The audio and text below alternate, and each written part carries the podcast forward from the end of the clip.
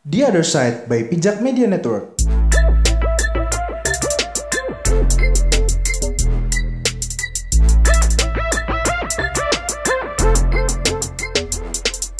Kali ini di Other Side kita bakal ngebahas tentang gonjang-ganjing hasil pemilu dan apa aja sebab akibatnya. Parpol-parpol di Indonesia yang gak ada jati diri, serta kritik itu bukan berarti partisan.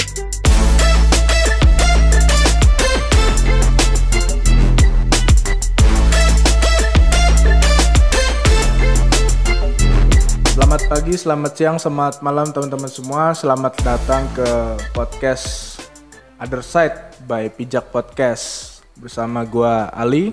Aku Fariski. Nah, Pijak Podcast terutama Other Side ini bakal ngebahas tentang banyak tentang ekonomi, sosial, politik.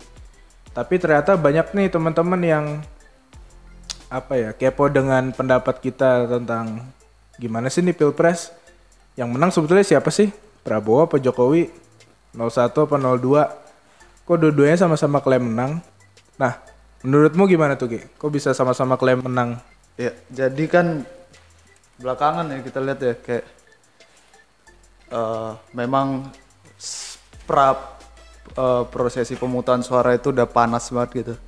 Tapi ternyata setelah prosesi pemungutan suara, wah kita lihat nih, ternyata masih panas juga soal klaim-klaim kemenangan semacam yang terjadi belakangan ini. Sebenarnya lumrah ya kita bisa lihat di mungkin di 2014 juga sebelumnya udah ada apa namanya fenomena yang sama tentang klaim-klaim kemenangan eh, capres berdasarkan hasil penghitungan sementara gitu. Nah, kalau kita lihat ya eh, apa namanya klaim-klaim semacam ini ini sebenarnya adalah sebuah upaya bahwa proses dari eh, pilpres ini tidak selesai di 17 April menurutku. Jadi ada ada sebuah vision melihat ke 2024 juga bahwa eh, apa konfrontasi-konfrontasi pra pilpres ini ternyata bisa ngaruh juga nanti dampaknya di 2024 gitu Li. Nih untuk teman-teman yang belum tahu ya mungkin kalian nggak punya Twitter atau nggak punya Facebook atau nggak punya TV di rumah eh kubu yang paling banyak beritanya itu kubu 02 sih jadi kubu 02 ini tidak apa ya tidak mengamini gitu quick count dari me- lembaga survei yang ada di yang lembaga survei mainstream lah misalnya lingkaran survei, World Tracking, terus SMRC gitu. Mereka mengklaim bahwa mer- survei internal mereka tuh memenangkan pasangan Prabowo dan Sandi Sandiaga Uno gitu. Nah, selain itu mereka juga menuduh terjadi kecurangan. Kecurangannya itu bisa ada yang di level KPU katanya rekapitulasi dari form C1 dan di website tuh nggak sama gitu. Terus juga ada yang bilang banyak sabotase-sabotase di lapangan gitu. Nah, kubu 01 menuduhkan bahwa eh, dia memperkuat diri nih bahwa quick count ini sebetulnya metode ilmiah yang yang benar-benar ya mengikuti ilmu statistik lah. Dan mereka berpendapat bahwa quick count ini selama bertahun-tahun sebetulnya nggak ada kesalahan gitu. Maksudnya eh, margin of errornya sangat sedikit gitu. Dan kecurangan pun ada di kubu 02 jadi kalau menurutmu quick count sendiri ini gimana Ki? Ya, jadi gini ya, eh perdebatan-perdebatan soal quick count ini sebenarnya kalau aku lihat itu kebanyakan berdebat soal hasil perbedaan-perbedaan hasil dari versinya ini, versinya ini, versinya dua, versi satu apa sih quick count itu sendiri dari lembaga independen katakanlah gitu. Jadi yang diperdebatkan soal quick count ini ada hasilnya gitu. Sementara kalau kita bicara soal eh, quick count atau survei sebagai ilmu pengetahuan, maka yang perlu diperdebatkan sebenarnya bukan hasil, tapi metodologi harusnya. Jadi kayak bagaimana sih mereka mengolah data itu dan variabel-variabel apa yang eh, digunakan untuk eh, apa uh, survei tadi untuk menghitung suara sementara itu tadi yang bisa menghasilkan margin of error sangat kecil sedemikian rupa. Nah, jadi aku agak heran juga ketika masalah quick count ini sebenarnya hanya diperdebatkan berdasarkan hanya tampilan dari hasil akhirnya gitu. Maksudnya di dalam apa proses dari quick count itu sendiri, input-input datanya seperti apa gitu. Karena dalam ilmu pengetahuan hasil itu depends uh, dependent gitu. Artinya bergantung pada variabel-variabel atau metodologi yang ada di dalamnya. Jadi lebih baik sebenarnya apa ya metode-metode yang digunakan dalam perumusan atau penghitungan secara statistik dari quick count itu dipertontonkan lah pada publik gitu loh. Kayak mereka variabelnya seperti apa gitu. Dan ini quick count ini kan penghitungan suara ini kan yang kita amati pola-pola yang ada dalam ruang masyarakat gitu. Jadi Eh, tidak tidak stabil masyarakat itu tidak stabil artinya kayak ada dinamika di dalam sana dan pendekatannya ya apa ya tidak tidak sang, tidak sederhana gitu sangat sangat sangat kompleks gitu kemarin tuh aku baru nonton ini kan yang videonya antara Effendi Gozali dengan Raditya Dika gitu dua jam ngomongin politik nah yang ku tangkap itu jadi kan uh, dari BPN ini nuduh nuduh TKN ini ya kalau kalian belum tahu BPN tuh Badan Pemenangan Nasional itu kubu Prabowo Sandi, TKN tuh tim kampanye nasional dari Joko Widodo ya. Jadi BPN ini nuduh quick count ini kan uh, udah terafiliasi nih sama TKN nih sama 01 nih. Jadi sebetulnya mereka menuduhnya quick count itu palsu. Tapi kan hasil quick count ini uh, memenangkan Jokowi Ma'ruf nih 52 sampai 54 persen lah uh, hasil kemenangannya. Nah, yang ku tangkap dari percakapan antara Effendi Gozali dan Raditya kemarin tuh uh, quick count eh sorry lembaga survei ini bisa membangun opini publik sebetulnya. Memang bisa membangun opini publik tapi bukan quick count saat pilpres. Jadi kebanyakan itu mereka uh, survei elektabilitas tuh loh. Misalnya kayak uh, dua tahun sebelum pencoblosan elektabilitas Jokowi misalnya 40 satu tahun sebelum pencoblosan misalnya uh, jangan naik 50 terus tiga bulan sebelum pencoblosan naik jadi 60 misalnya kayak gitu jadi elektabilitas tuh nah problemnya survei elektabilitas tadi ya memang banyak yang rancu jadi bisa jadi opini masyarakat tuh dibikinnya gini misalnya uh, contoh deh aku nyalek gitu uh, bisa aja aku bikin mereka tuh uh, eh apa surveiku tuh 60% gitu. Berarti kan aku udah terkenal nih di masyarakat. Nah, itu bisa jadi menjatuhkan lawanku. Kayak mereka akhirnya jadi males, ah Ali udah 60% nih. Kayaknya udah susah deh kalahin. Tapi bisa jadi dibikin malah lebih rendah. Misalnya kayak uh, elektabilitasku di bawah 50% gitu. Berarti itu bisa membuat tim kampanyeku tuh jadi semangat lagi ayo dong ngejar 50% plus satu nih gitu nah cuman itu kan menggiring opini dari sisi uh, apa elektabilitas nah tapi biasanya saat quick count hari H pilkada kita melihat datanya memang margin of errornya nggak pernah gede gitu jadi selalu kebanyakan lah di bawah satu margin of errornya jadi memang quick count itu tidak dipakai untuk elektabilitas gitu menurutmu gimana?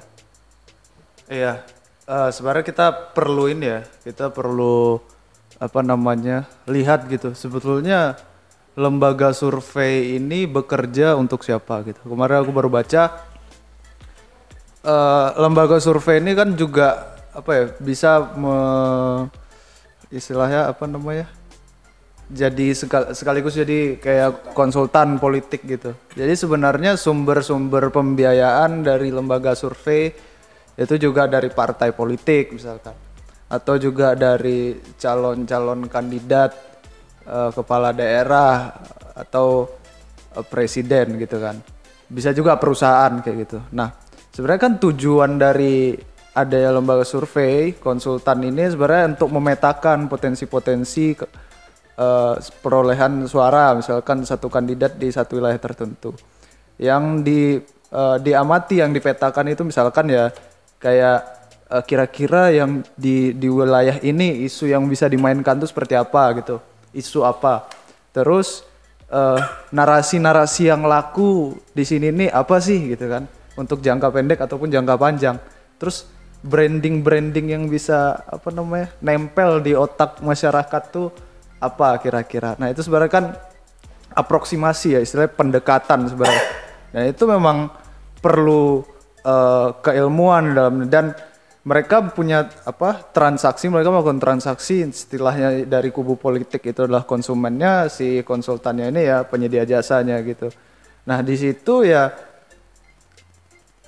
ada keterbukaan data gitu, keterbukaan informasi antara si konsultan tadi, katakanlah juga yang si surveyor tadi dengan si eh, kandidat eh, yang mencalonkan atau politisinya itu. Nah, apa namanya? Tujuannya itu kan istilahnya ya sebagai apa ya? senjata, senjata bagi si kandidat gitu. Kira-kira dia dengan berdasarkan pendekatan tadi dia mau apa eh, bergerak secara politik tuh seperti apa gitu. Dan ini aku rasa untuk masalah elektabilitas dan macam-macamnya itu segala macamnya pra pemilihan gitu gitu kan. Itu menurutku bukan konsumsi publik prioritas ya. Maksudku publik tuh lebih butuh dengan narasi-narasi mengenai program-program atau alternatif-alternatif ide dari eh, si calon. Nah, masalah itu potensi wilayah itu harus diserbu, harus diserang dengan narasi seperti apa atau isu-isu yang seperti apa atau kadar populer sebuah branding di wilayah itu seperti apa yaitu konsumsinya si calon menurutku. Dan itu ada transaksi antara eh, apa namanya si lembaga survei itu sendiri dengan eh, si kandidatnya. Nah jadi kalau kita lihat permasalahan di quick count pra pilpres ini sebenarnya konfrontasi muncul karena ada respon yang berusaha menentang terhadap itu dan kemudian itu apa ya dipublikasikan istilahnya sebuah konfrontasi itu yang kemudian memunculkan asumsi-asumsi di masyarakat. Tapi dasar perdebatan itu tadi yang perlu kita perdebatkan lagi bahwa kenapa berdasarkan hasil, kenapa kita tidak tengok transparansi metodologi dari penghitungan quick count tadi karena kalau kita bicara yang independen ya adalah variabel-variabel dan metodologinya bukan hasilnya. Hasil itu tergantung saja sebenarnya gitu.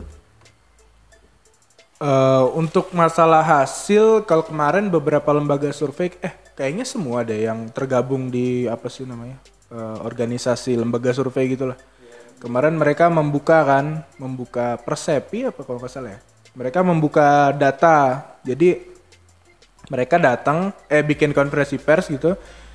Terus si wartawan ini semacam istilahnya bebas buka Excelnya lah gitu kasarannya gitu jadi metodologinya gimana terus nanti TPS mana aja dari tiap eh, provinsi yang diambil sampelnya gitu karena memang eh, kalau kalau menentukan sampel itu yang paling susah sih menurutku maksudnya kalau pas yang transfer data ya sekarang udah ada WA udah ada teknologi cuman ya dulu kayak lawakannya apa ya lawakannya Cak Lontong tuh eh, berdasarkan survei eh, Prabowo elektabilitasnya 100% gitu. Tapi ternyata dia eh, surveinya di kantor Gerindra gitu. Jadi sebetulnya itu kan yang menjadi masalah nih. Jadi menurutku fair-fair aja sih eh, untuk dari kubu BPN untuk menjaga suara dan jadi menurutku sih eh, klaim kemenangan ini selain di belakangnya mungkin ada post truth atau apa ya, tapi menurutku menjaga semangat supaya tetap dikawal gitu. Karena kan tetap hasilnya yang real count kan. Nah, memang quick count terbukti selama ini eh, bahwa memang tidak meleset gitu. Tapi ya tidak ada salahnya juga menjaga suara-suara tadi. Karena bisa jadi kan eh, si lembaga survei ini salah menempatkan sampel. Bisa aja ternyata di tiap daerah yang walaupun itu misalnya Prabowo mayoritas menang gitu, tapi dia naruh sampelnya di kampung yang probat sama Jokowi misalnya kayak gitu. Itu kan harus yang di istilahnya di cross check lah gitu. Kalau masalah kecurangan sih ini merujuk ke 2014 ya. Jadi MK tuh tidak akan membatalkan pemilu dan dia hanya memproses apa yang dilaporkan gitu. Jadi misalnya dilaporkan ada taruh 100 TPS gitu. Uh, atau misalnya ada 100 TPS terus ada perbedaan suara sampai taruh 10 ribu gitu. Tapi perbedaan antara suara satu dan dua tuh misalnya kan eh, tujuh persen, misal taruhlah lima persen misalnya. Berarti kan 5 kali satu setengah juta sekitar tujuh setengah juta kan. Nah itu berarti walaupun sepuluh ribu tuh banyak sebetulnya tapi tidak tidak relevan dan mengubah pemilu gitu. Jadi menurutku sih uh, tetap ya kita ini kan masih lama banget nih ini masih baru tanggal 20-an April kan.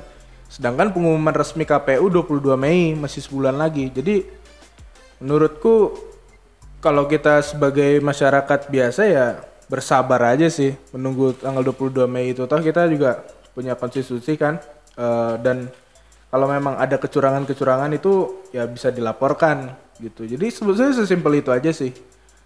Menurutku mau kubu satu atau dua nggak usah terlalu banyak apa ya meributkan ributkan kayak gini lah gitu. Ikut-ikutan gitu. Iya. jadi itu ya itu yang tadi aku bilang gitu bahwa uh, apa namanya ya hasilnya itu tadi ber, depends terhadap ini kan variabel. Itu tadi variabel misalkan di wilayah ini basis basis politiknya siapa gitu. Misalkan basis politiknya orang PDI gitu banteng gitu kan. Ya udah itu itu jadi variabel loh itu jadi variabel. Bahkan suku itu mayoritas suku apa gitu misalkan. Ya kan? Atau agama bahkan karena kita tahu bahwa pra pilpres ini sentimen-sentimen yang kuat muncul kan itu agama gitu. Nah jadi itu itu adalah variabel gitu. Nah cuman kadang ada ketidaklogisan sih, ada ketidaklogisan ketika apa ya ada uh, pernyataan bahwa uh, seolah-olah data yang diambil dari banyak sampel akan lebih akan selalu lebih akurat daripada sampel yang sedikit. Itu itu juga tergantung sih, tergantung ya kan. Tergantung itu tadi variabel mana yang sebenarnya di antara dua metode tadi atau dua survei tadi yang satu misalkan sampelnya lebih banyak, yang satu sampelnya lebih dikit. Tapi tergantung juga yang mana lebih akurat. Tergantung dari antara kedua ini uh, mana yang paling mewakili banyak variabel tadi, misalkan variabel agama tadi kan kalau misalkan ternyata sampelnya banyak, tapi orang di situ seragam semua, misalkan ya kan, misalkan ya di daerah-daerah yang mungkin yang mungkin apa ya jelas gitu bahas politik kayak Sumatera Barat misalnya Prabowo atau Jawa Tengah kayak Jokowi. Tapi kayak walaupun sedikit tapi kayak variabelnya lebih apa ya lebih banyak aproksimasinya lebih akurat pendekatan atau margin of error pendekatannya lebih akurat margin of errornya jadi lebih sedikit ya. Itu kalau kita bicara soal apa ya, perdebatan mengenai uh, quick count atau survei dari pilpres itu sendiri. Nah, sementara kalau kita bicara apa sih sekiranya tadi kita sempat bahas di awal dampak-dampak dari adanya klaim-klaim semacam ini kan. Jadi kan aku udah bilang kalau klaim-klaim semacam ini adalah apa ya mungkin kamu itu pandanganmu ya pandanganmu soal bahwa hasil pemilihan umum ini harus tetap dijaga dikawal gitu. Tapi menurutku apa ya itu tadi bahwa proses pilpres ini walaupun secara konstitusional nanti akan terpilih pada Mei gitu kan tapi aku melihat ada potensi-potensi keberlanjutan apa ya kontestasi ini gitu loh di luar di luar konstitusi Aku juga melihat bahwa adanya upaya klaim dengan begitu emosional itu juga bentuk sebuah konfrontasi bahwa pemerintahan yang aku aku nggak tahu ya aku asumsi misalkan berdasarkan quick count misalkan Jokowi menang. Pemerintahan Jokowi yang akan datang itu tidak berjalan dengan tanpa gelombang yang kencang gitu. Jadi dari kubu lawan pasti tetap asumsiku nih pasti tetap masih ada konfrontasi-konfrontasi karena ini juga dilihat dari apa ya sebelum pilpres 2019 ini gitu loh bahwa ada upaya-upaya bahwa musuh sudah jelas misalkan dari misalkan kubu nomor 02 sebelum Prabowo itu jadi apa ditunjuk hasil konvensi atau istimewa ulama sebagai presiden. Sebelum ada presiden jelas dari kubu mereka, mereka sudah mengeluarkan merilis tagar gitu ganti presiden gitu kan. Artinya mereka belum tahu siapa yang akan dimajukan tapi udah tahu musuhnya siapa. Jadi udah menunjuk siapa lawannya dan siapa yang harus dijatuhkan, uh, diturunkan gitu terlepas dari siapa yang mau dicalonkan. Nah, ini kayak sudah sudah mem, uh, apa ya, mendeklarasikan bukan calon mereka, tapi calon lawan mereka, di mana calon mereka sendiri belum ada. Nah ini juga apa ya, sebuah petualangan atau pengalaman empirik masa lalu yang bisa jadi pembelajaran di masa depan gitu loh. Ketika kita lihat misalkan di 2014 saja tidak terlalu panas seperti sekarang kalau menurutku ya, kalau timbang-timbang apa namanya penglihatanku atau pengamatanku selama ini 2014 tidak lebih panas dari 2019, aku berpikir bahwa di 2024 ada pengaruh-pengaruh terhadap proses-proses uh, pra dan pasca pilpres yang tidak terlalu jauh dari masa pilpres itu sendiri gitu. Nantikan kami di episode selanjutnya.